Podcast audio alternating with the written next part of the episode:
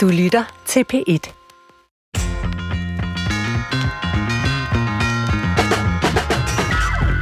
Velkommen til Brinkmans Brixes nytårstradition, hvor vi vinker farvel til 2023 og siger goddag til 2024.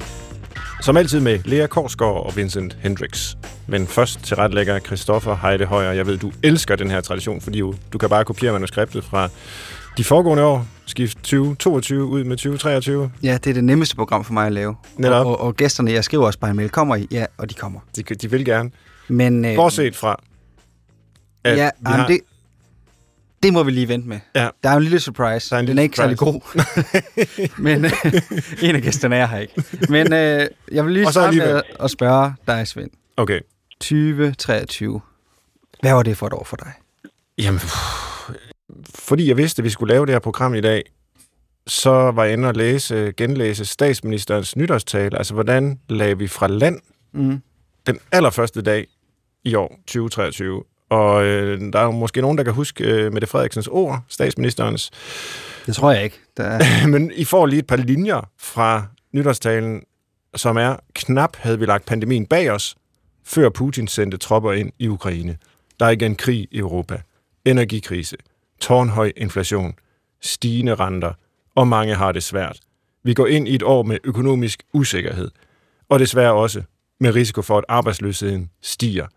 Når de skyer, der trækker sig ind, er mørkere, end vi kunne ønske os, så skal vi stå sammen, finde mod og håb i fællesskab. Og ja, der er et punktum for hver tredje ord her, øh, som der jo er i politiske taler for tiden. Men øh, der må man jo sige, når man øh, hører de ord, som jeg lige har læst op, så er det herhjemme trods alt ikke gået så galt. Altså, inflationen er normaliseret, energikrisen er afblæst, øh, renterne er ikke øh, braget igennem øh, loftet, selvom de er steget, så trods alt ikke sådan, at folk må gå fra hus og hjem. Arbejdsløsheden er ikke steget, osv. osv. osv. Øh, og det er der blevet sagt og skrevet meget om, at den her kriseregering, vi fik, den øh, kom til at mangle kriser at håndtere, men, øh, men det, det kan være, vi kan vende tilbage til det. Men det, det synes jeg bare var interessant at øh, lægge fra land med en meget mørk øh, fortælling fra statsministeren, som faktisk viser sig at være for mørk. mm. Praktiserer hun ikke bare det, du prædiker? Defensiv pessimisme. Altså, hvis man øh, lægger, lægger forventningerne tilpas lavt, så kan du nærmest kun blive positivt overrasket. Jo, og det kan jeg sådan set godt øh, finde sympatisk på et menneskeligt plan. Jeg er bare ikke sikker på, at det fungerer så godt på et øh, politisk plan. Især ikke, når man har legitimeret en regeringsdannelse med kriserne. Hmm. Så er det jo lidt et problem. Men, men det må folk jo selv øh, tage stilling til. Øh, men, men du har det fuldstændig ret. Altså, det at praktisere en lille smule defensiv pessimisme, altså frem for at sige, næste år, der bliver alt fantastisk, så er det jo med 100% garanti for at blive skuffet. Så hvis man i stedet for siger, ah, det bliver nok også et svært år, så er sandsynligheden langt større for, at man bliver glædeligt overrasket. Køber du den pointe, at vi er i en ny tidsalder, og det er pessimismen og ikke optimismen, der ligesom har øh, diskursen, om man så må sige?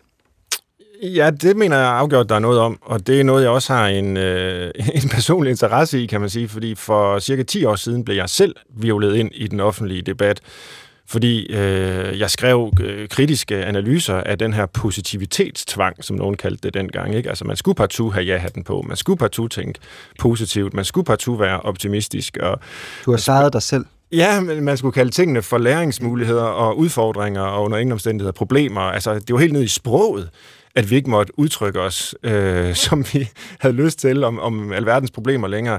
Og det var der jo mange, inklusive jeg selv, der var rigtig træt af dengang for 10 år siden. Og, øh, og nu, nu er det næsten bare vendt på hovedet.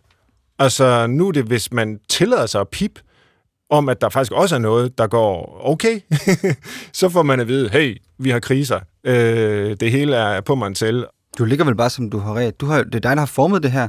Jeg har skabt Alle de monster. her Jeg tror, du over, overvurderer betydningen af, af min stemme i debatten, må jeg sige, Christoffer. Ja, det kan godt være. Der er nok nogle større ting i, i, i spil, som, øh, som er lidt interessante at, øh, at følge med i, fordi jeg vil jo sige, lige så hvad kan man sige, forskruet det kan være at tvinge folk til at gå med ja-hatte, og bare se lyst og positivt og optimistisk på alting. Lige så forskruet kan det jo være at tvinge folk til at gå med sortseende briller, eller krisehatte, eller nej-hatte, uafbrudt. Øh, begge dele kan jo faktisk være en måde at styre folks tanker på i en retning, der øh, måske ikke er i overensstemmelse med virkeligheden. Vi skal have en ny tradition på banen. Det er årets sad fact. Hvad er det mest triste, der, der er sket i år? Og det, det er dig, der suverænt bestemmer. Ja, og på den store klinge, for at bruge en fortærsket metafor, så vil jeg jo nok sige, at det er årets triste faktum, at det ser ud til, at løbet er kørt for den her halvandengrads målsætning. Men man siger, Sebastian Mernil, vores meget anerkendte klimaforsker, var ude og sige, prøv at høre, altså vi kan ikke nå øh, de mål, vi har sat os. Vi kan ikke holde den globale temperaturstigning i 20, eller 2100 på under halvanden grad.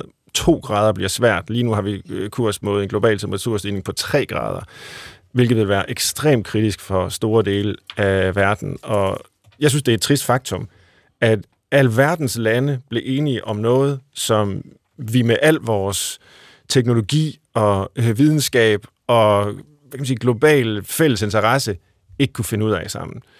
Så kan vi håbe, at vi kan minimere skaderne øh, mest muligt. Det er jo ikke, fordi vi skal give op overhovedet, øh, men, øh, men, men vi når ikke det mål, vi har sat os. Det synes jeg er trist. Og nu har jeg lige fundet på en overgang til gæsterne, fordi øh, de seneste tre år, vi har lavet det her med de samme gæster, så har vi talt utrolig meget om corona. Det har vi jo så ikke indtil videre, og øh, der har været både spot om, om det skulle stoppe eller fortsætte osv. Og så er det jo, at vi får en mail i morges om, at vores kære gæst, Lea Korsgaard, med har fået corona. Ja, det er sådan helt old school. Det er, det, det er synd for læger, men man tænkte, ah, okay. Det vil bare ikke forlade os, og det her program. Og det har været sådan hvert år, har det været lige op til jul altid. Uh, kan folk, og der er corona, og... Ja. Nå, velkommen til, Lea. Jeg vil give Svend mikrofonen videre, men jeg vil bare sige, øh, jeg håber, at du kan holde det ud i den næste time, fordi vi vil gerne have dig med. Der er jo noget med det her program af corona. Ja. Altså, er det, er, det ikke, er det fjerde år, vi gør det her? Jo. Hvis du husker. Ja. Det, det første år, der handlede det om corona, og jeg gik ud af studiet om overbevist om, at Vincent havde Vincent Hendricks havde øh, smittet mig med corona. Året efter øh, tror jeg, jeg også var øh, bange for at blive syg med det, og advaret om, at det kunne være, at jeg blev syg sidste år, snakkede vi om det, og nu er jeg fandme så ramt af det. Undskyld, jeg bander. Men det er alt i orden, øh, det der, Lea. Men det, nu viser det jo dybest set bare, at du hele tiden har gjort det således, at det er min skyld, at det var corona, fordi nu er du her heller ikke. Og jeg er i studiet, og det må så også være korreleret med, at det faktisk forholder sig sådan, at det er mig, der giver dig corona den her gang. Ja, ja det Transmuteret. Du er patient nummer 0, Vincent Hendricks. Præcis. og det kan være, at jeg skal lige introducere lidt formelt, øh, og og vi har jo altså i studiet Vincent Hendricks, øh, professor i øh, formel filosofi på Københavns Universitet, leder af Center for Information og Boblestudier. Og nu har... engangne Center for ja. Information og Boblestudier. Det stoppede den 31. 5. Når det stoppede simpelthen? Ja. ja. Så må du finde på noget nyt at lave. Så er det godt, du har tid til at komme her og blive inspireret, Vincent. Præcis. Tak for det. Og med på en telefon har vi altså så øh, Lea Korsgaard, som er chefredaktør for netmediet Zetland og formand for Danmarks Medie- og Journalisthøjskole. Og øh, vi har sagt mange gange, det er en tradition, og det er det, og det er en, jeg ser meget øh, frem til, fordi jeg synes, I bringer nogle øh, spændende perspektiver ind på øh, tidens små og især store problemer. Men lad os begynde lidt i det små. Det er hvad vi skal starte med dig, Vincent. Du sagde, at øh, dit center, som du har været øh, leder af i mange år, er nedlagt. Men hvad er der egentlig ellers sket i dit liv her i 2023? Hvad er der ellers sket i mit liv i her i 2023? Altså jeg vil sige, at centret er lukket efter otte år, øh, og det har været sjove otte år. Det har også været hårde otte år, fordi centret havde en størrelse, som betød, at vi kunne sagtens bygge kritisk masse, men det var for lille til, at der kunne være to, der så at sige havde det faglige ansvar, hvilket betød, at der var alle projekter. Og jeg mener, alle projekter gik igennem mig. Mm. Den type. Og essentielt har det faktisk også betydet lidt, vil jeg så sige, fordi øh, nu har jeg lige skrevet den der bog færdig, der kom i år, der hedder Nok om mig, hvad med dig, hvad synes du om mig? Ikke? Og den skrev jeg på en måned i august sidste år, øhm, lige efter at centret var ved at var, var, var slut. Og hele ideen om, at jeg dybest set bare kunne tænke den ene tanke, til den var færdig, var betød faktisk også for mit vedkommende. Og det er eksistentielt vigtigt, nemlig, at jeg synes, at tiden gik en lille smule langsommere. Og nu her, hvor jeg er nået til mit 53. 20. år, det skal jeg stadigvæk vende mig til. Jeg blev 50 for tre år siden. Det kan jeg stadigvæk finde ud af, at jeg er sandt, men det er nu en sandhed. Nu er det faktisk så sådan, at jeg for mit vedkommende kan få tiden til at gå lidt langsommere ved dybest set ikke at have alt for mange ting i gang på samme tid. Ja. Og det er faktisk nærmest eksistentielt en smule taknemmelig for. Ja. Det lyder skønt, øh, og et privilegium. Og I den grad. have Og mulighed for lidt mere fordybelse og knap så meget øh, ledelse. Ja, og ideen med, den grundlæggende idé med at tænke følgende, Nå, men, fordi jeg har hele tiden tænkt, "Hva- hva- hvordan har dit liv været, Vincent? Og det er hele tiden været på vej videre til det næste, næste bog, næste bevilling, næste øh, titel, næste, næste, næste. Og hvis du hele tiden, tænker, hele tiden tænker liv sådan, så betyder det for sit vedkommende, at der aldrig, du aldrig rigtig er til stede i det, du er i, fordi du er altid på vej videre til det næste. Og så går tiden rigtig hurtigt. Det interessante er, at hvis du ikke hvis du er i det, du er i, så er din subjektive oplevelse af, hvor hurtigt tiden går, den er faktisk faldende. Selvom atomuret jo går, som det går, det har ingen indflydelse på. Men min subjektive oplevelse af, hvor hurtigt tiden går, er faktisk gået ned. Og det er jeg faktisk eksistentielt Mm. taknemmelig for. Hvis du skriver en bog om det, så vil jeg gerne læse den. Så øh, ja. ideen er givet videre. Lea Korsgaard, hvad med dig? Hvad er der sket i dit liv her i 2023? Ja, hvad er der sket i mit liv? Ej, jeg blev helt misundelig over at høre på Vincent snakke om øh, tiden, der, der, der går langsommere. Øhm, det, det er ikke min oplevelse. Tværtimod, så synes jeg, at min tid går utrolig hurtigt. På, på arbejdstiden, så, øhm, så, så knokler vi jo løs på Zetland, som, som vi har gjort i mange år efterhånden, men i en ret vild mediebranche. Altså, det har virkelig været et kriseår i medierne. Øh, rigtig mange medier har fyret øh, mange, mange mennesker, og, øh, og det ser bare virkelig svært ud for, øh, for sådan store etablerede medier, man havde regnet med altid skulle være her. De, de, de står og vakler lidt, mm. og det, det har på en eller anden måde bragt sådan en alvor ind, synes jeg, i, i, i det her arbejde med medier i de her år, som, ja, som, ikke, som, som på en eller anden måde ny, der, der er kommet en, en skygge, som jeg, jeg har altid tænkt, at medierne skulle reformere sig og gentænke deres øh, rolle i en ny medievirkelighed, men nu er det bare pludselig, nu, nu står det og banker på døren på en, på en anden måde end før. Mm. Øhm, Mm. Drømmer du om øh, at nærme dig en situation som Vincents, altså hvor der ikke, ikke er så mange gryder og mere tid til øh, en enkelt tanke og ligesom fordybe sig i altså, den? jeg fylder, øh, jeg fylder 50 om 6 år. Øh, og mit mål er, når jeg er 50, så Du skal er jeg så kun lave én ting. Ja, Men Lea, det tæller jo ikke. Altså. jeg fylder om to år, og jeg har, jeg har også i 10 år sagt, når jeg bliver 50, så skal jeg til at drosle ned og spise øh, grønt grød og alle mulige ting, men jeg ved ikke, om det kommer til at ske. Så, så har du to år endnu. to år. altså på en, Ja. Nå, Men det er jo sådan, øh, det, er jo sådan det moderne menneskes øh, liv i nødskal, det der, ikke? Am, efter efterårsferien, Ja. så bliver det bedre. Ja. Am, på den anden side af weekenden, så bliver det bedre. ja. Øhm, ja. Sådan har jeg haft det, siden jeg ja, begyndte på universitetet, tror jeg. Så det, det kan ikke blive ved. Men øh, det vender vi jo bare tilbage til igen øh, næste år. Øh, Ja. Og så evaluerer vi på det. Men lad os lige forlade vores øh, personlige liv lidt og flyve op i den øh, lidt større verdenshistoriske øh, helikopter. Jeg har øh, sådan indledningsvis tre emner med, som jeg uh, sådan, måske relativt hurtigt vil høre jeres tanker om. Nu må vi se, hvor hurtigt det kan gå, fordi det er store emner, især det første her som jo er øh, Hamas, Israel, øh, konflikten, krigen, terrorangrebet, øh, måden Israel har svaret på, og vi kommer ikke til at dykke langt ned i alt, der handler om legitimiteten i Israels måde at forsvare sig på, i grusomhederne, og hvem har skylden osv. Det er alt for komplekst. Jeg fokuserer alene på, hvad det har betydet for polariseringen af den offentlige debat her i Danmark. Fordi det synes jeg godt nok har været markant. Altså, og hvis jeg bare skal sige et par ord om, hvordan jeg selv har gået ind i den, så vil jeg sige, jeg er jo ikke ekspert i Mellemøsten eller øh, konfliktens historie, men synes jo bare, det er forfærdeligt at være vidner til tab af civile liv på begge sider, og derfor så har jeg, ligesom mange andre, bare forsøgt at udtrykke mig Øh, fordi jeg tror bare, det er et menneskeligt behov, man har for ligesom at, at sige i almindelige samtaler, og også på sociale medier, prøv at høre, det her det er forfærdeligt. Øh, det her det bliver nødt til at stoppe.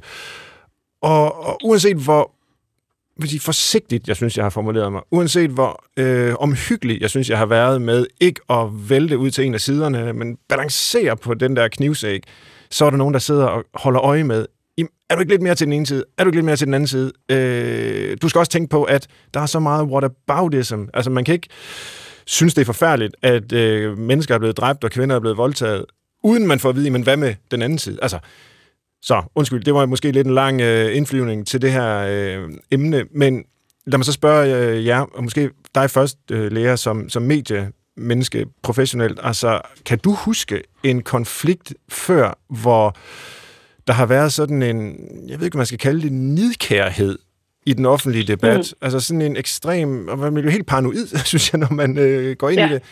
Øh, hvem holder du med? Altså, øh... ja, ja, nej, nej, slet ikke. Jeg har det på præcis samme måde som dig, Svend. Det er øh, så voldsomt at opleve, hvordan den konflikt skiller folk også mm. i Danmark. Yeah. Der, der er et eller andet med, har jeg, har jeg øhm, reflekteret over, at, at selve krigen, konflikten, er jo karakteriseret ved sådan en øje for øje øh, tankegang. Altså ja. der er hele tiden et, et, der er hele tiden en historisk begivenhed, der kan øh, der kan øh, retfærdiggøre endnu et slag. Og, og, og, og lidt på samme måde er det i den offentlige debat. Altså, der er sådan en øje for øje øh, tankegang.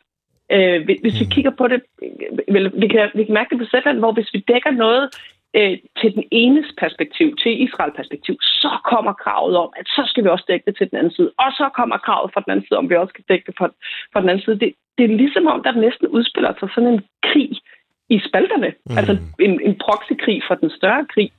Det er vildt voldsomt. Ja. Det er helt vildt voldsomt.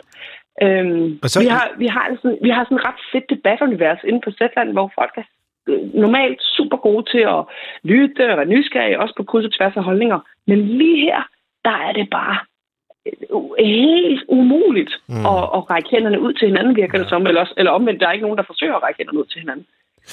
Og jeg har jo så i nogle uger og måneder nærmest efterhånden øh, også afholdt mig fra at sige noget, fordi altså, det så har jeg måske ikke noget begavet at sige, andet end sådan en, en menneskelig beklagelse over, hvor, hvor, hvor, hvor utroligt tragisk det er. Men selv ikke at sige noget, øh, bliver jo set som et udsagn. Absurd nok, mm. ikke? Og så skriver folk til mig privat og bagom, at du bliver altså nødt til at melde noget ud, og du bliver nødt til at markere, at du synes, det er forfærdeligt, og, og at, og så videre. Så, så man kan simpelthen ikke øh, være i det her på en, øh, en, en, en, en, jeg ved ikke, hvad skal kalde det, human måde. Altså, det er jo en inhuman øh, krig og, og, og konflikt og så videre. Men, men jeg synes, det er meget mm. frustrerende. Øh, et af, af krigens forfærdeligheder, det er selvfølgelig det frygteligste.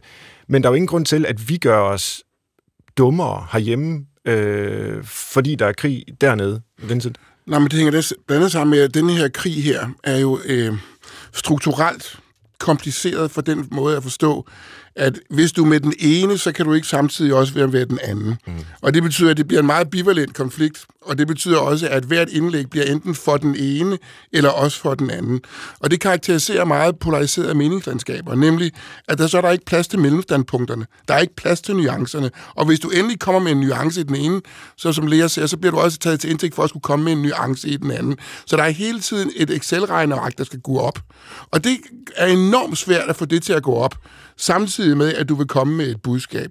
Så problemstillingen er tit og ofte det her, either you're with us or you're against us. Mm. Og der er ikke nogen mellemstandpunkter i det der. Og det karakteriserer altid polariserede meningslandskaber, at lige præcis i sådanne meningslandskaber er der ikke plads til nuancerne, men det er lige præcis i den slags polariserede meningslandskaber, at der er brug for nuancerne. Mm. Og den debat har du meget, meget svært ved at tage. Blandt andet også fordi, at den nuancerede debat er enormt kompliceret at, at, at, at føre, fordi den altid hviler på en masse forudsætninger, du skal have med ind først, med altså mellemregninger, indtil du kan komme med, hvad det egentlig var, dit budskab måtte være. Og i et medielandskab, som blandt andet er så hurtigt, som Lea også omtaler før, ja, så er det enormt svært at have den der debat kørende, end sige at få den til at kørende på sociale platforme, hvor du har 140 tegn på X til at godt gøre dit standpunkt. Og derfor der, hvor du har brug for argumenterne, er lige præcis her. Fordi det interessante er jo ikke nødvendigvis, at vi er enige eller uenige. Det er, hvorfor vi er enige eller uenige. At, at Svend og jeg ikke deler et bestemt standpunkt, er jo dybest set bare en kendskærning. Men der, hvor jeg kan blive oplyst, uafhængig af om Svend og jeg vil vælge at blive enige, det er at forstå, nå, det var fordi, at Svend havde den forudsætning, det hvilede på den præmis, og den præmis, den er jeg så ikke enig i, så kan vi diskutere den. Men det er jo en relativt kompliceret, så at sige, afhandling og lytten til. Og, og pointen med den oplyste debat, det er jo lige, jeg, jeg skrev en artikel sammen med Dennis Nørmark i år, hvor vi, hvor vi argumenterer for, at den, den oplyste uenighed er uenighedens samarbejde. Mm. Altså, at det at blive oplyst samtidig med, at vi er uenige, kræver faktisk et enormt stort samarbejde. Lige præcis, fordi vi skal sidde og afveje standpunkter og vurdere præmisser og forudsætninger for det ene konklusion frem for den anden. Og det er et samarbejde, som er enormt kompliceret, når hastigheden er høj, og følelserne er endnu højere. Ja. Der er jo øh, nok at tage fat på, og jeg tror måske noget af det, du gerne vil tale om lidt senere, Vincent, har øh, relation til emnet her. Så jeg vil tillade mig lige at gå videre, fordi sidste år, der sad vi og gættede på, hvilken regering, der må, ville komme ud af de her forhandlinger, der var på Marienborg. Og øh, så har vi jo fået en midterregering, eller en regering hen over midten. hvad, hvad, hvad synes I om det her selvudnævnte arbejdsfællesskab? Jeg tror nok, det er det, de, de kalder sig, Lea. Jamen, Ja, det er sjovt. Jeg kan nemlig huske sidste år, der optog vi inden ja. resultatet forelå, øh, men udsendelsen blev sendt efter, at resultatet forelå. Og jeg kan huske, at jeg gættede på, at det blev en regering, altså at de radikale kom med. Ja. Øh, det, det fik jeg jo så ikke... Det var tæt på, men det fik jeg jo så ikke ret i. øh, jamen, jeg var jo en af dem, der faktisk var sådan afmålt øh, begejstret måske et lidt for vildt ord, men alligevel sådan øh, øh, afmålt optimistisk ved udsigten til en midterregering af følgende årsag. Man skal huske, vi kom fra en, i mine øjne, vanvittig hæftig øh, politisk øh, debat, ja. hvor, øh, hvor øh, det, det næsten ikke var til at tænke klart, fordi folk stod og råbte af hinanden. Øh, Venstre havde krævet Mette Frederiksen for en rigsret, og, og det var virkelig, det var virkelig højspændt. Øh, og derfor var det faktisk også, så der var sådan en politisk vakuum, sådan oplevede jeg det, hvor det eneste, vi kunne snakke om, det var mink og, og, øh, og øh, politiske profiler. Og, og derfor var det egentlig, synes jeg, ret øh, saliggørende med en form for borgfred. Altså lad, lad de traditionelle regeringsbærende partier mødes, få, øh, øh, få, få fred for den der skinger debat, så der kunne blive arbejdsro til at, at få gennemført nogle af de store, vigtige ting, der står og venter herunder, ikke mindst på, på klimadagsordenen. Så jeg var sådan set, jeg havde det lidt ligesom, I ved, hvis man, øh, øh, hvis man slukker M-hætten, øh, og så pludselig opdager man, hvor meget den egentlig har stået og larmet. Ja. Det, var, det var den følelse, jeg havde. Øhm, desværre må jeg... det, jeg fornemmer, der kommer et men. ja, der, fordi der... Jamen bare, bare for, for nu at kende blankt, jeg, jeg, var, jeg, var, jeg var faktisk ret øh, optimistisk. Ja. Men, men der er virkelig et stort men. Jeg synes ikke, at... Øh, jeg synes ikke, regeringen har levet op til grunden til, at den findes. Nemlig tage, tage sværslag med de rigtig, rigtig svære ting øh, og få det unduleret, om man så må sige. Mm. Øh, ikke mindst på, på klima- og naturdagsordenen. Der, der synes jeg virkelig, at vi bare stadigvæk halter så øh, ulykkeligt bagefter, selvom, øh, selvom det var jo helt meningen med den regering. Nu skulle vi tage nogle af de svære beslutninger. Men tror du ikke, regeringen selv, nu skal jeg jo øh, også ligesom tage, tage regeringen i forsvar for at dele sol og vind lidt lige, øh, fordi jeg, på mange måder personligt deler jeg det, du siger, Lea. Men øh, ja. tror du ikke, regeringen selv vil sige, at vi har faktisk taget hul på noget af det, der er rigtig svært? Fordi det er rigtig svært at øge arbejdsudbuddet i en tid, hvor der er næsten øh, fuld beskæftigelse, og hvor vi gerne vil øh, fastholde og udvikle et højt øh, niveau i velfærdssamfundet og alt det, som øh, vi skal bruge penge til. Øh, og det er vi faktisk lykkes med. At fjerne store bededag, mega upopulært, men vi gjorde det. Øh, vi, vi, vi forringer kandidatuddannelserne for at få folk hurtigere ud på arbejdsmarkedet. Mega upopulært, men vi gjorde det. Det er faktisk nogle svære ting. Og så er der andre svære ting også. Det er klimaet, ikke mindst. Men, øh, mm. øh, men de har taget fat et sted. Jo, men det er jo ikke, fordi de ikke har fået gennemført noget. Herunder jo for mm. eksempel mm. også en, øh, en, en reform af folkeskolen, som har stået og ventet øh, længe. Ja. Ikke? Øhm, så selvfølgelig har det fået gennemført noget, men, men, men det, der så er gennemført, synes jeg er øh, øh, svært at forstå. Altså, jeg, jeg synes, Stor bededag. Jeg, jeg, jeg, jeg øh, synes, der er alt mulig grund til at se på, hvordan, hvordan sikrer vi, øh, at der er et økonomisk fundament under velfærdsstaten, også om 10, 15, 20, 30 år.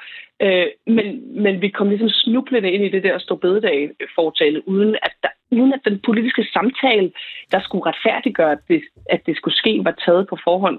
På samme måde med kandidatuddannelserne. Jeg har en utrolig stor sympati for ønsket om, at at, øh, at det ikke er, øh, øh, er overvældende mange unge, der skal på universitetet, men vi også skal sørge for, at de får lyst til at vælge andre ting, end at, end at blive akademikere. øh, men, øh, men den reform, der så ser ud til at, at blive øh, resultatet, eller er blevet resultatet af det, er jeg ikke helt sikker på, at jeg faktisk helt forstår. Nej. Øh, fordi altså, det, det kommer jo ikke til at betyde, at der er færre, der vil vælge universitetet. Måske faktisk øh, tværtimod.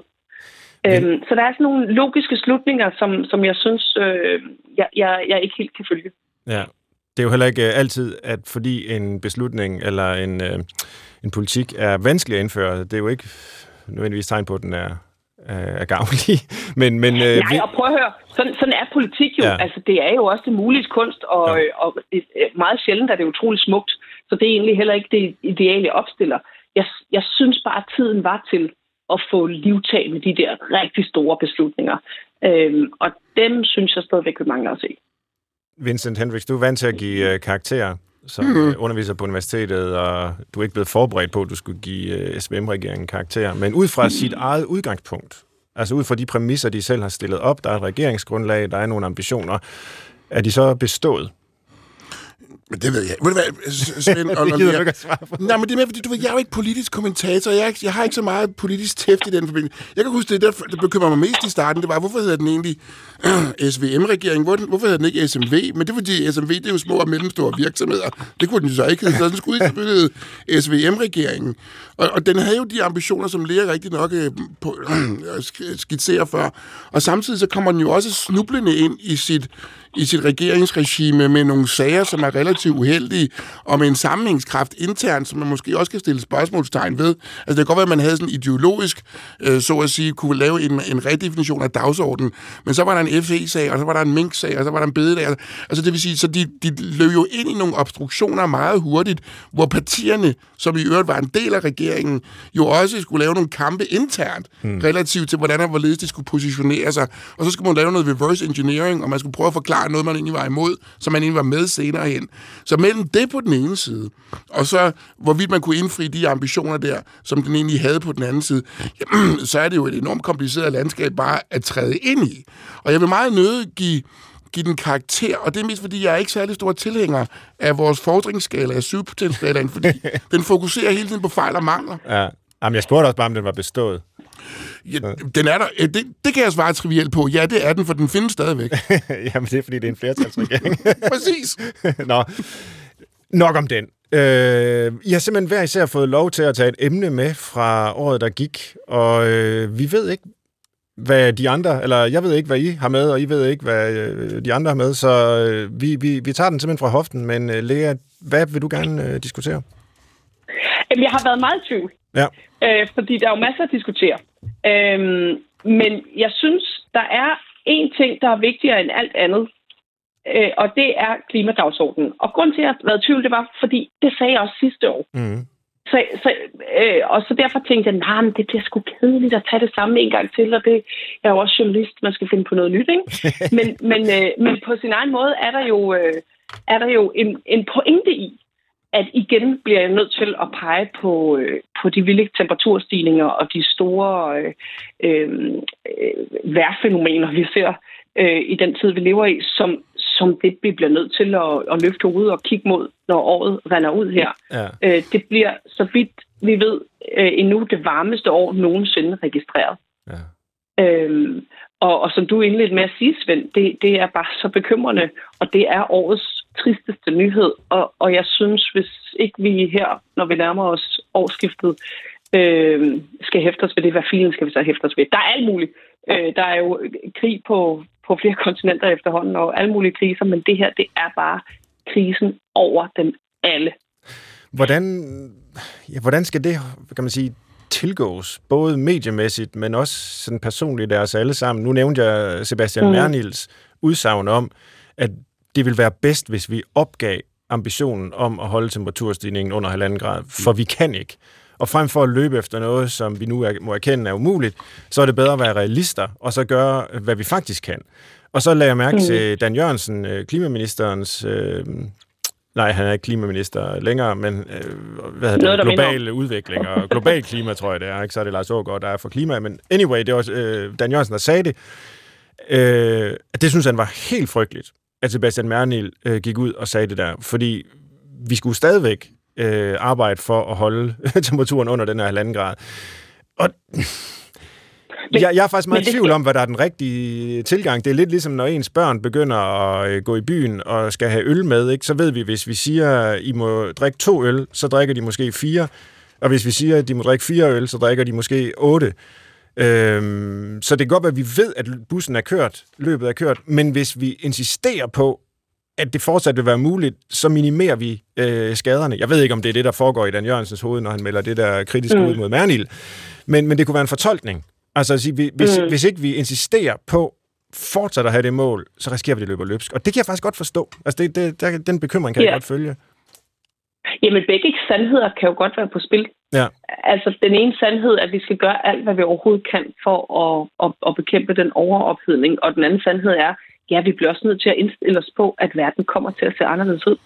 Jeg, jeg blev konfronteret med det meget sådan konkret en aften her i sommer, hvor min ældste søn øh, havde set den seneste tale fra FN's generalsekretær, der øh, alarmerede os alle sammen om, hvor vi var på vej hen. Og så spurgte han mig om, hvordan kommer verden til at se ud, når jeg er på din alder? Mm.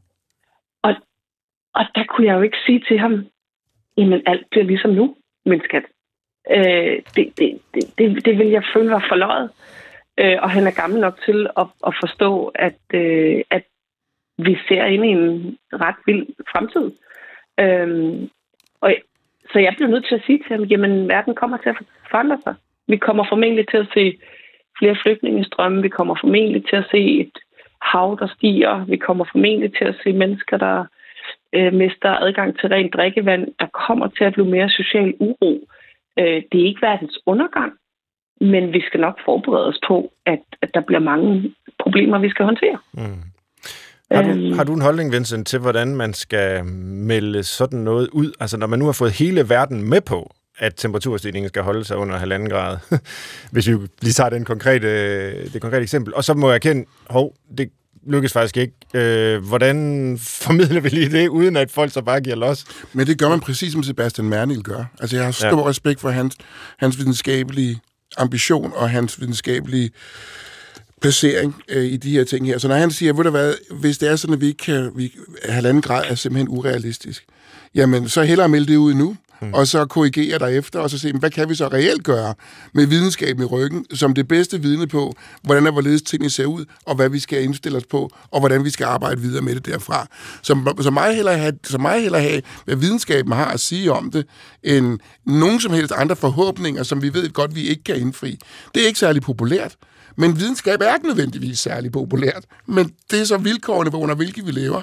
Og så, må vi, så tror jeg, man må sige omkring hele det her spørg- hele klimaproblemstillingen, det er, at hvad vi, da vi får COP5, da vi, da vi får en, COP21'eren i Paris, ikke sandt, der er det lige pludselig, der kan verdenssamfundet godt skrive under på, det er det, vi skal holde os under.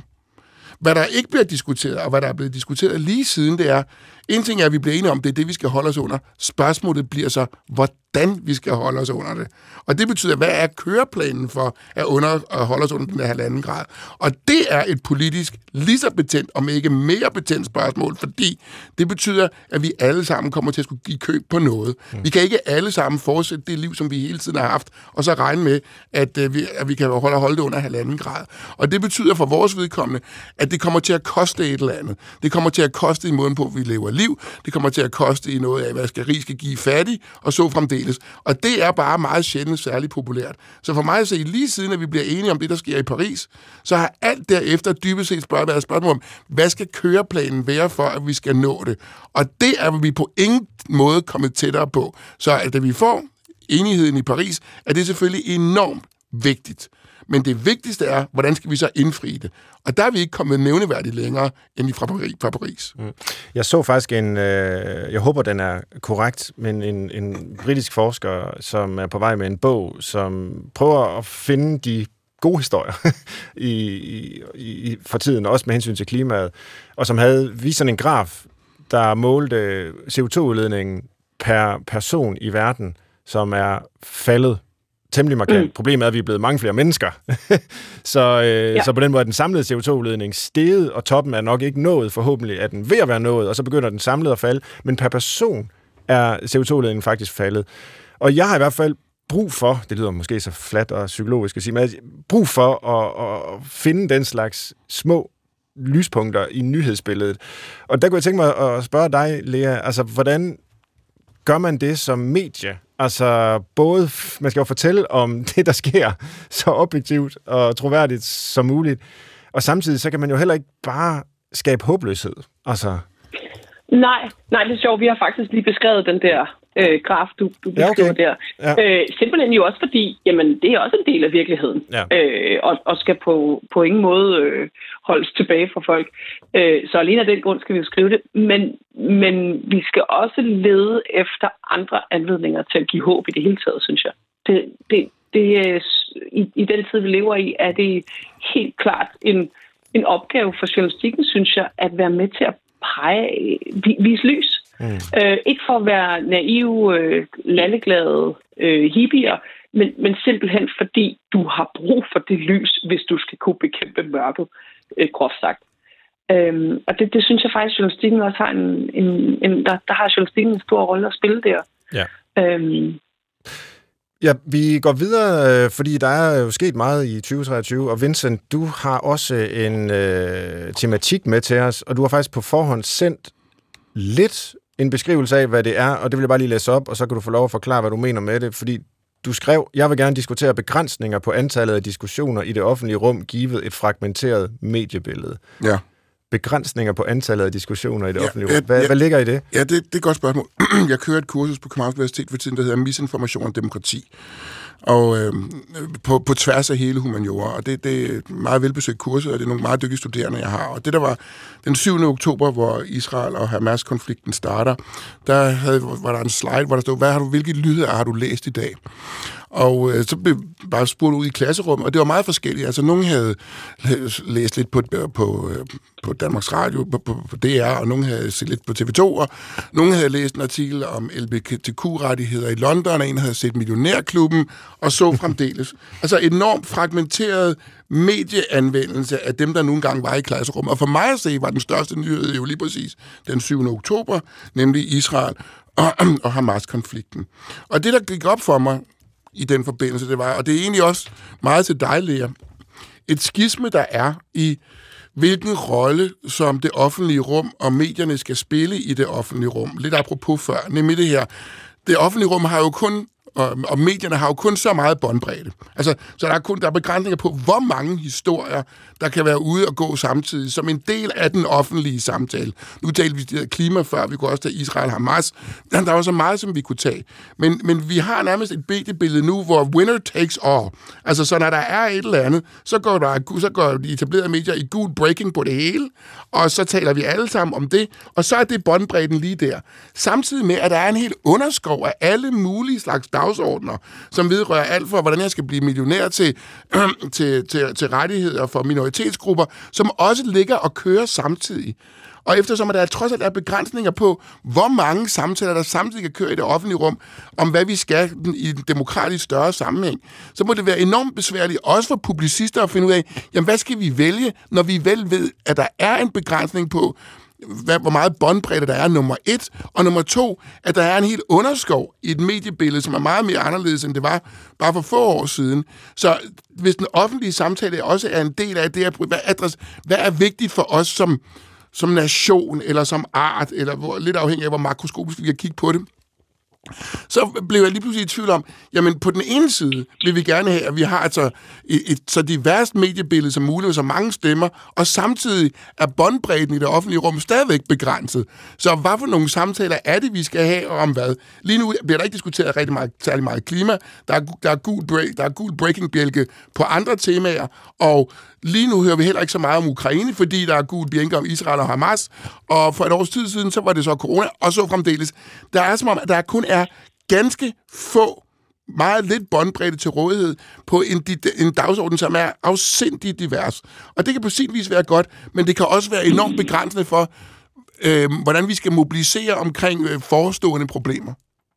Mm. Mm.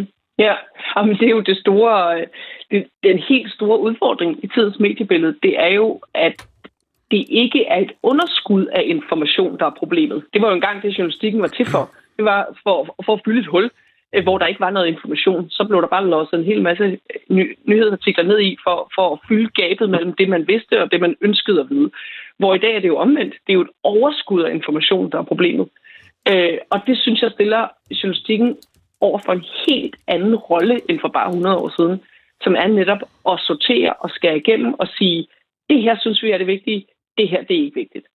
Øh, og derfor er det store spørgsmål jo hver eneste dag, det er, hvad er så egentlig det, der er det vigtige? Øhm, og det findes der altså ikke nogen naturvidenskabelig lov for, så det er jo bare at bruge sin fornuft og sin, sit, sit forsøg på kløgt på at, at vurdere bedst muligt, hvad, hvad, hvad har i vores tilfælde, hvad har Sætlands lyttere og læsere brug for at vide for at kunne sætte sig ind i de store dagsordner i verden lige nu? Fordi jeg synes, problemet er ikke mere end det. Nej, men, det er, men grund til, at jeg nævner det, Lea, det er ud fra betragtningen om, at, at mængden af information har aldrig været større, end den har nu formentlig. Så det meget, mm. meget er en kendskærning. Men dermed følger ikke, at mængden af fælles viden er fuldt med ved samme lejlighed. Altså, Nej. at jeg ved, at du ved, at du ved, at jeg ved. Men fælles viden er enormt for, en, en forudsætning for, at vi kan koordinere på for eksempel mobilisering eller løsning af problemer eller noget andet. Så det vil sige, at bare fordi vi har fået mere information, betyder det ikke, at vi er fået mere fælles viden, end sige, at vi er i stand til, som et demokrati, at mobilisere os om nogle problemstillinger, som vi synes er vigtige lige nu og her. Ja, ja. Ja, tværtimod, ikke? Vi bliver jo øh, i stigende grad sådan kapslet ind i hver vores, det ved du jo alt om, Vincent, i hver vores lille boble, hvor, hvor vi eksponeres for den samme slags øh, artikler eller, eller indhold. Altså bare nu for at nævne et meget, meget øh, lavpraktisk eksempel. På Instagram for tiden er jeg udsat for altså et bombardement af videoer om, hvordan man sætter sin hestehale. Jeg kan blive sindssyg. Jeg kan ligesom ikke komme ud af det her hestehale. Ser jeg aldrig. Ja, der er noget mærkeligt algoritme. Det er så Leas kaninhul, det der. det er simpelthen et, et forfærdeligt kaninhul at være, at være trukket ned i. Og, og jeg kan have sådan en helt oplevelse. Ikke? Jeg, jeg, må, jeg må have luft. Jeg må ud af den her øh, kokon, jeg befinder mig i. Det gode, den gode nyhed, synes jeg, i den forbindelse, det er, at jeg oplever, Øh, jeg oplever helt klart, at der er mennesker, der bare dropper det. Jeg overgår ikke, hvor fanden skal jeg starte. Altså, jeg, jeg gider ikke nyheder, og øvrigt øh, fortæller de mig kun om, hvor trist verden er. Men jeg oplever også sådan en stigende lyst til at få udfordret ens verdensbillede, faktisk. Mm-hmm. Øh, i, I vores tilfælde, når vi spørger vores medlemmer, hvornår, hvornår kan I bedst lide vores journalistik, så er det så signifikant, at de siger, når, når jeg udfordrer mit verdensbillede, når jeg, når jeg bliver rykket lidt, når jeg får en holdning, jeg, jeg ikke troede, jeg ville være enig i, eller når jeg pludselig får en lejlighed til at se verden gennem nogle andres øjne, end, øh, end folk, jeg normalt sympatiserer med, for eksempel. Og det, det siger man noget om. Der er en lyst til ligesom at, øh, og, og, og faktisk at opleve en form for friktion. Altså ikke bare øh, være, være fanget i det der kaninhul, øh, hvor vi alle sammen er øh, er enige og, og, og luller os i søvn i en endeløs strøm af, af underholdning. Jeg kunne godt tænke mig lige at bringe en kættersk tanke til tors, og så kan I måske øh, skyde den ned eller udfordre den, fordi det er, at vi måske har brug for bobler øh, men måske på en lidt anden måde, end vi er vant til at tale om dem. Øh, og jeg tænker specifikt på, nu bliver det meget konkret, men jo ældre jeg bliver, desto mere holder jeg af at se lokal-tv, lokalnyheder. at forleden, det, der var en person, der var blevet snittet af letbanen i Aarhus. Heldigvis kom personen ikke alvorligt til skade, men det var der indlæg om øh, i den del af landet, hvor jeg bor og hvor jeg ser tv. Øh, og, og ens børn, de kommer ned og ser det der og siger, hvorfor sidder du og glor på det der? Prøv at høre, der er krig i Mellemøsten. Øh, vi har adgang til, folk har telefoner overalt i verden. Vi kan se, hvordan det ser ud på gaderne i Taiwan, og de er bange for, at kineserne vil invadere dem. Og der sker bare alle de her ting, og så er der kop nede i Dubai, og, og du sidder og glor på et eller andet, der er sket i letbanen i Aarhus der synes jeg jo på en eller anden måde, at vi... Øh, altså, hvor, der er jo en risiko ved, at vi pludselig er i hele verden, hele tiden, mm. alle sammen. Altså, der mangler på en måde bobler, og så kommer de der bobler, men, men de bliver skabt ud fra, hvilke politiske ideologier du har, hvilke holdninger, holdninger du har. De bliver ikke skabt ud fra, for eksempel, hvor du bor. Altså, nærhedsprincippet mm. er fuldstændig ophævet. Mm. Det, som uh, Giddens, uh, sociologen, engang kaldte udlejringsmekanismerne, mm. har hersket. Ikke? Vi bliver hele tiden løftet ud af tid og rum, og, og overført til, til alle mulige andre ting, der sker i hele verden, som selvfølgelig er også relevante for os, men konflikten i Mellemøsten er trods alt mere relevant for de mennesker, det går ud over der. Så ved jeg godt, der også er borgere i Danmark, som har familier dernede, og det er selvfølgelig også relevant for dem. Men alt kan jo ikke være relevant for alle hele tiden. Det er jo der, øh, dit, øh, dit øh, indlæg udsprang af, Vincent. Og, og, og måske er måden at reparere det en lille smule på, og, og ligesom genfinde det er nok utopisk. Man, man genfinder aldrig ting. Men altså, lad os bare sige det. Find tilbage til nogle øh, bobler, som er mere øh, geografisk funderet, regionalt, lokalt, nationalt. Altså, i stedet for, at vi altid skal være i hele verden. Det kan da ikke være sundt for mennesker. Men i hvert fald er det jo nok sådan, at man kan, det, det er altid lettere at tage ejerskab på det, der er tæt på, end det, der er rigtig langt væk. Ikke? Fordi det er jo også et spørgsmål om, hvad det er, jeg synes, hvad er det, jeg synes, jeg kan gøre en forskel, trods alt. Mm. Og for mange, som sidder på, når vi kigger på de store globale spørgsmål, det gælder jo også klimakrisen. det er, hvor skal jeg passe ind i det her? Hvad skal jeg gøre? Hvilken rolle skal jeg spille for, at den her større globale udfordring nogle gange bliver løst eller ej? Og der kan det være meget befriende fra tid til anden jo også at sige, okay, jamen, hvad foregår der i mit lokalområde? Er der noget her, jeg kan gøre? Er der en, en forskel her, jeg kan gøre? Og det gode ved det er, at tit og ofte, at det, man kan gøre lokalt, også er noget, som i og for sig også, også kan overføres globalt, hvis så flere og flere går sammen. Så der er jo ikke noget galt i at engagere sig i lokalmiljøet, fordi mange af de samme mekanismer, som gør sig gældende i lokalmiljøet, er dem, man skal, også det, man skal makroskopere op på de større dagsordner på den lejlighed. Og derfor kan du så bruge lokalmiljøet som sandkasse for en større dagsorden også. Mm. Men det ser jeg faktisk også, Svend. Jeg tror, du ja. skal sige til dine teenagebørn, at du er, du er på de unges hold. Øh, jeg, jeg ser det vil jeg, jeg gerne bor på, jeg, skal jeg give dig, nu skal jeg give dig argumentet. Ja. Jeg bor på en højskole, fordi min, min mand er højskoleforstander. Og der kan jeg se, at mange af de unge, de vender sig faktisk mod det lokale. Ja. Altså netop i et forsøg på at finde deres svar på klima- og biodiversitetskrise, så vender det sig mod det lokale. De begynder at dyrke jorden. De flytter sammen i et kollektiv ude, øh, øh, altså langt væk fra den stenbo, hvor jeg drømte om at have mit ungdomsliv. Mm. Øhm, så jeg tror, der, det, det er rigtigt nok, der er sådan en vending i tiden mod noget, noget, noget, en, en nær geografi og en topografi, du kan forholde dig til, som mm. ikke bare hører til inde i, øh, inde i, i filterboblerne, ikke? Vi er jo øh, på en måde de tre musketerer her, men vi har jo også vores uh, D'Artagnan. Hvis nogen forstår det, en reference uh, til retlægger Christoffer og Heide Højer. Hold derop, Og uh, Athos, wow. Porthos and Aramis and uh, D'Artagnan. Og uh, Christoffer, hvad, hvordan har 2023 været for dig? Jeg er helt mundlam nu, men jeg vil, jeg vil godt lige rose for det, det forsvar for lokal tv, du lige har ja. udbredt. Jeg vil gætte på det skud ud til TV2 Østjylland. Altså, det er virkelig... Ja. De skal have noget medvind, synes jeg, på cykelstierne. Ja. Men det, jeg har tænkt over, at vi ikke har talt om, det er, hvordan vi går og har det.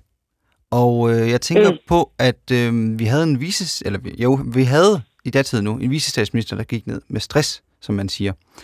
Mm. Øhm, og stress rammer høj som lav, det kan vi se nu. Og noget, jeg så stod i mit eget liv, det var, at øh, en bekendt fik et job som kok.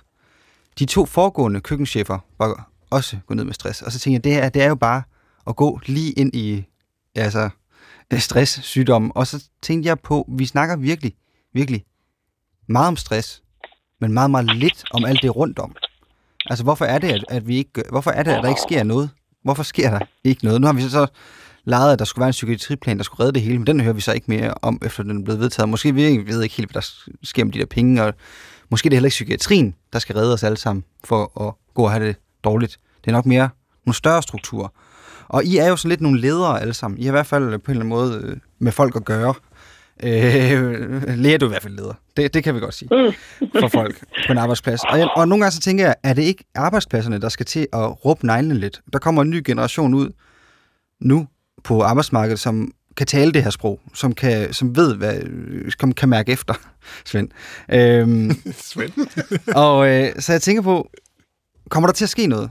kommer de her strukturer til at ændre sig? Fordi lige nu går den tredje køkkenchef bare lige direkte mod en stresssygemelding i mine øjne. Jeg har selv flyttet mig rigtig meget fra at mene, at den, øh, mennesket kan ligesom tilpasse sig alle mulige øh, og utrolige ting. Øh, men måske må vi bare erkende, at der er en menneskelig natur. Der er grænser for vores øh, kapacitet. Og vi har åbenbart, virker det til, indrettet et samfund med et mismatch i forhold til, hvordan vi grundlæggende fungerer. Altså, øh, nu har jeg beskæftiget mig med det her rigtig længe, og efterhånden så kan jeg ikke se andre forklaringer på problematikken end den. Altså, vi har simpelthen nået grænserne for, hvor meget vi, vi, vi kan, og det er måske svært at forstå, fordi vi har jo et rigt og velfungerende samfund, vi har teknologier, vi behøver ikke at vaske op, det har vi opvaskemaskiner til, og biler, vi kan køre rundt i, og alting går utrolig hurtigt, men måske er netop det en del af problemet. Altså, så har vi så meget kørende hele tiden, og øh, optimere og effektivisere og produktivitetsforbedre. Ikke? Altså, så kan det godt være, at den gennemsnitlige ugenlige arbejdstid i dag er lavere end for 50 år siden, men til gengæld så er alt bare timet og tilrettelagt, som gamle Egon Olsen ville sige. øh, i, i, i alle de timer, hvor vi er på. Øh, ja, og, og så længe vi ikke forstår det, altså det er jo vilkårene, det er jo betingelserne, som skal ændres, og ikke som du siger, reaktionen på dem i form af stresssygemeldinger og den slags. Jeg tænker, nu Men sidder... må jeg lige række, må jeg lige række en hånd op her? Ja, da. Ja, men Øh, det er meget symptomatisk, du er med som syg. ja, ja, præcis. Det var det, jeg skulle til at sige. Nå. Det var, det er ikke længere muligt at lægge sig syg. Jamen på en måde mm. er det jo faktisk symptomatisk. Øhm, mm. Men det var egentlig ikke det, jeg vil sige. Jeg vil, jeg vil, øh, jeg vil sige halleluja til det, øh, Svend siger. Der er helt klart noget i det accelererede samfund, der, der forventer jeg os. For eksempel i mit tilfælde i dag, det, det fikser vi. Jeg lader mig alligevel være med hjemmefra på en eller anden linje. Ikke? Øhm, men jeg tror bare også, at der er noget andet på spil. Fordi denne her acceleration er sket i takt med en, hvad, hvad, hvad gamle Weber, sociolog Weber vil kalde affortrydelse af vores liv. Altså en, en afsekularisering, en, et tab af en, øhm, af en åndelig dimension i vores tilværelse. Så det vil sige, at vi ræser hurtigere og hurtigere og har samtidig mindre og mindre svar på de store eksistentielle spørgsmål i vores liv. Hvorfor er det, jeg ræser? Hvad er det egentlig, jeg skal leve for? Hvad er det egentlig, der giver livet mening? Så jeg tror altså, det, det, det, det, det er de to spor, der kører parallelt. Og, og det nytter, så derfor vi kan stille hvad som helst op på, på arbejdspladser med, og, og, øhm, og, og i går så en sæt, sæt puder i ryggen på folk. Men hvis, hvis ikke også vi som, som samfund øh, og som mennesker øh, forsøger at lede, lede efter mening simpelthen, og få en horisont af betydning, der går ud over det der hverdagsræs, så tror jeg altså ikke, vi løser problemet. Måske skal vi tænke i, at vi er, vi har stukket os selv en lille smule blå i øjnene på nogle punkter. Altså en af de store ambitioner, som Google har haft i år, det var, at de skulle lancere det, de kalder Google Deep Dreamer. Det skulle være en art app, øh, AI-app, som skulle kunne vejlede en i 21 personlige anlægner, alt fra, hvem min næste kæreste skal være, til hvad jeg skal gøre, når jeg føler mig nedtrykt. Og det var sådan en effektiviseringstanke igen, ikke? nemlig at vi effektivt kan få et svar på, hvordan og hvordan vi skal leve vores liv. Og meget man kan man sige om det at leve liv. Og jeg holder meget af det, og jeg er fuldstændig som Ingeborg Skjern er i Matador. Jeg elsker at leve, som hun siger det faste Anna, som er sur for en sikkerheds skyld. Men der kan ikke nogen, der kommer og fortælle mig, at det er særligt let altid at leve. Altså, man får sine eksistentielle knups på den ene og på den anden måde, and that's just tough. Så hvis vi ligesom tror, at vi effektiviseringsmæssigt kan komme ud af det, at livet er også en svær ting at leve, ja, så stikker vi os selv blå i øjnene, fordi om vi tænker, at det skulle være så let. Men altså, jeg holder meget af det, men jeg synes ikke alt lige frem, at det er let at gøre det. Og vi stikker måske os selv blå i øjnene ved, og dermed også mister den mening, som Lene Lea taler om, også i forbindelse med det her liv, nemlig at livet er altså også en vis del friktion, og den bliver vi også nødt til at være i stand til at håndtere som en del af livsvilkår, at det er et eksistensvilkår, det er at være menneske. Og, og that's just tough. Det er bare sådan, som det er. Dermed ikke sagt, at der ikke er mange, der kan have det rigtig hårdt. Det er ikke det, jeg prøver at sige. Men jeg prøver at sige, at hvis vi tror, at livet er let at leve, bare fordi vi er nogle gange blevet sat i verden som mennesker, så er vi nok en lille bit smule naive, trods alt. Mm. Er du tilfreds med det svar, Christoffer? Kan du give det videre til din øh, kokkeven? Det er D'Artagnan. Jamen, det, det vil jeg da prøve. Altså, jeg synes jo, jeg synes jo egentlig også, at jeg ser positive tendenser derude. At, at netop, at der er nogen, der prøver at sige, jeg gider ikke det her arbejdsliv. de, får, de får så noget at vide, ikke, Svend? Men der, der, er jo, der er jo der er måske noget nyt på vej. Jeg håber da også, Lea, når I ansætter nye journalister, at de har nogle glimrende arbejdsvilkår. Selvom du ikke skal have bare have en pude i ryggen, som du siger, så, så håber jeg da også, at, at strukturerne er gode. Nu går chefen jo forrest og viser, at man godt kan arbejde, selvom man er syg. Det er skrækkeligt. Shit, en Åh, forventning, nej. du sætter. Stop. Nå, prøv at høre. Vores øh, gæster i programmet plejer altid at sige, ej, hvor gik det hurtigt bagefter. Og i dag, der må verden sige, ej, hvor jeg synes, det er gået hurtigt. Og der er alt muligt, jeg godt ville have talt om. Øhm, men vi er nærmest ved vejs ende, og måske skal vi bare lige høre et stikord fra jer, hvad I vil huske 2023 for. Vincent? at mængden af problemer var ikke blevet mindre, men til gengæld nærmest bare blevet ved med at være større. Men jeg tror, vi skal huske på en ting, nemlig det er, at det kan godt være, at succeser er individuelt, men kriser er kollektive. Så måske er det også værd at tænke i, mm. at kriserne er også en måde, som giver en vis mængde af sammenhængskraft i. Dermed ikke bare sagt, at vi skal forfølge dem, men trods alt, at et af de lyspunkter, der også er, det er, at vi har ikke midt i alt det her, trods alt glemt, at kriser, det er dybest set noget, vi skal løse sammen, og så kan det godt være, at succeserne for deres vedkommende er individuelt. Det var det rigtige svar for en filosofiprofessor. Ja, men det var sådan set meget opbyggeligt, mm. selvom det begyndte med en, øh, en lidt dyster udmelding. Så. Altså, det, det endte, det, start, det, ja, det, endte, det endte i dur, men startede i mål. Ja, netop. Ja. Lea, har du øh, et indspark til, mm. hvad, hvad vi skal huske? Jeg ved, hvad jeg vil huske året for. Mm. Jeg vil huske året for en ganske bestemt samtale, jeg havde på en fortorvscafé i Italien i foråret, hvor jeg sad og drak kaffe under en journalistfestival med øh, direktøren for Kiev Independent øh, mm. og med direktøren for Vox Media i New York. Og det var bare en vild samtale, fordi den mindede mig om, hvor, altså, hvor vigtig journalistik er for, for henholdsvis øh, Ukraine og, øh, og USA i den tid, vi lever i. Og så pegede den også, synes jeg, på, øh, på min opgave som, øh, som journalist i Danmark, at sørge for at være med til at... Øh, øh, altså, vi står slet ikke med det samme med den samme udfordring som nogle af de to lande, men alligevel så kan man godt have en oplevelse af i den offentlige samtale, at det gør vi. Altså, mm. Altså i, i kraft af den måde, vi taler på.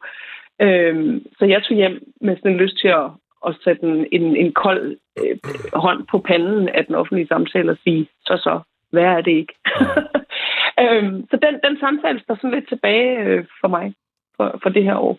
Det synes jeg er et fint minde, og øh, også en opbyggelig måde at, at slutte af på. Øhm, jeg ved ikke, om jeg skal sige noget, men øh, jeg har ofte citeret min amerikanske kollega Barbara Held, øh, for når hun har diskuteret alt det her med det, det positive og det negative, så siger hun, øh, livet er aldrig helt okay. Nogle gange så er det bare lidt mindre ikke okay.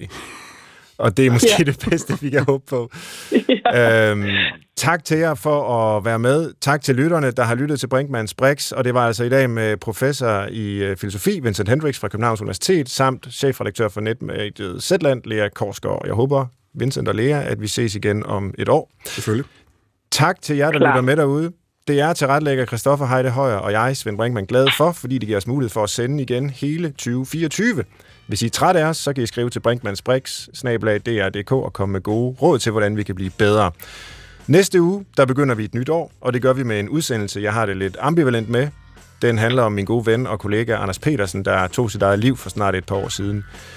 Hans hustru, Susanne Sested Petersen, har sagt ja til at komme og fortælle om, hvordan hun oplevede forløbet. Det handler om depression, sorg og familie. Men inden da, så nyd nytåret med dem, du holder af. Pas godt på hinanden derude. Jeg håber, vi høres ved.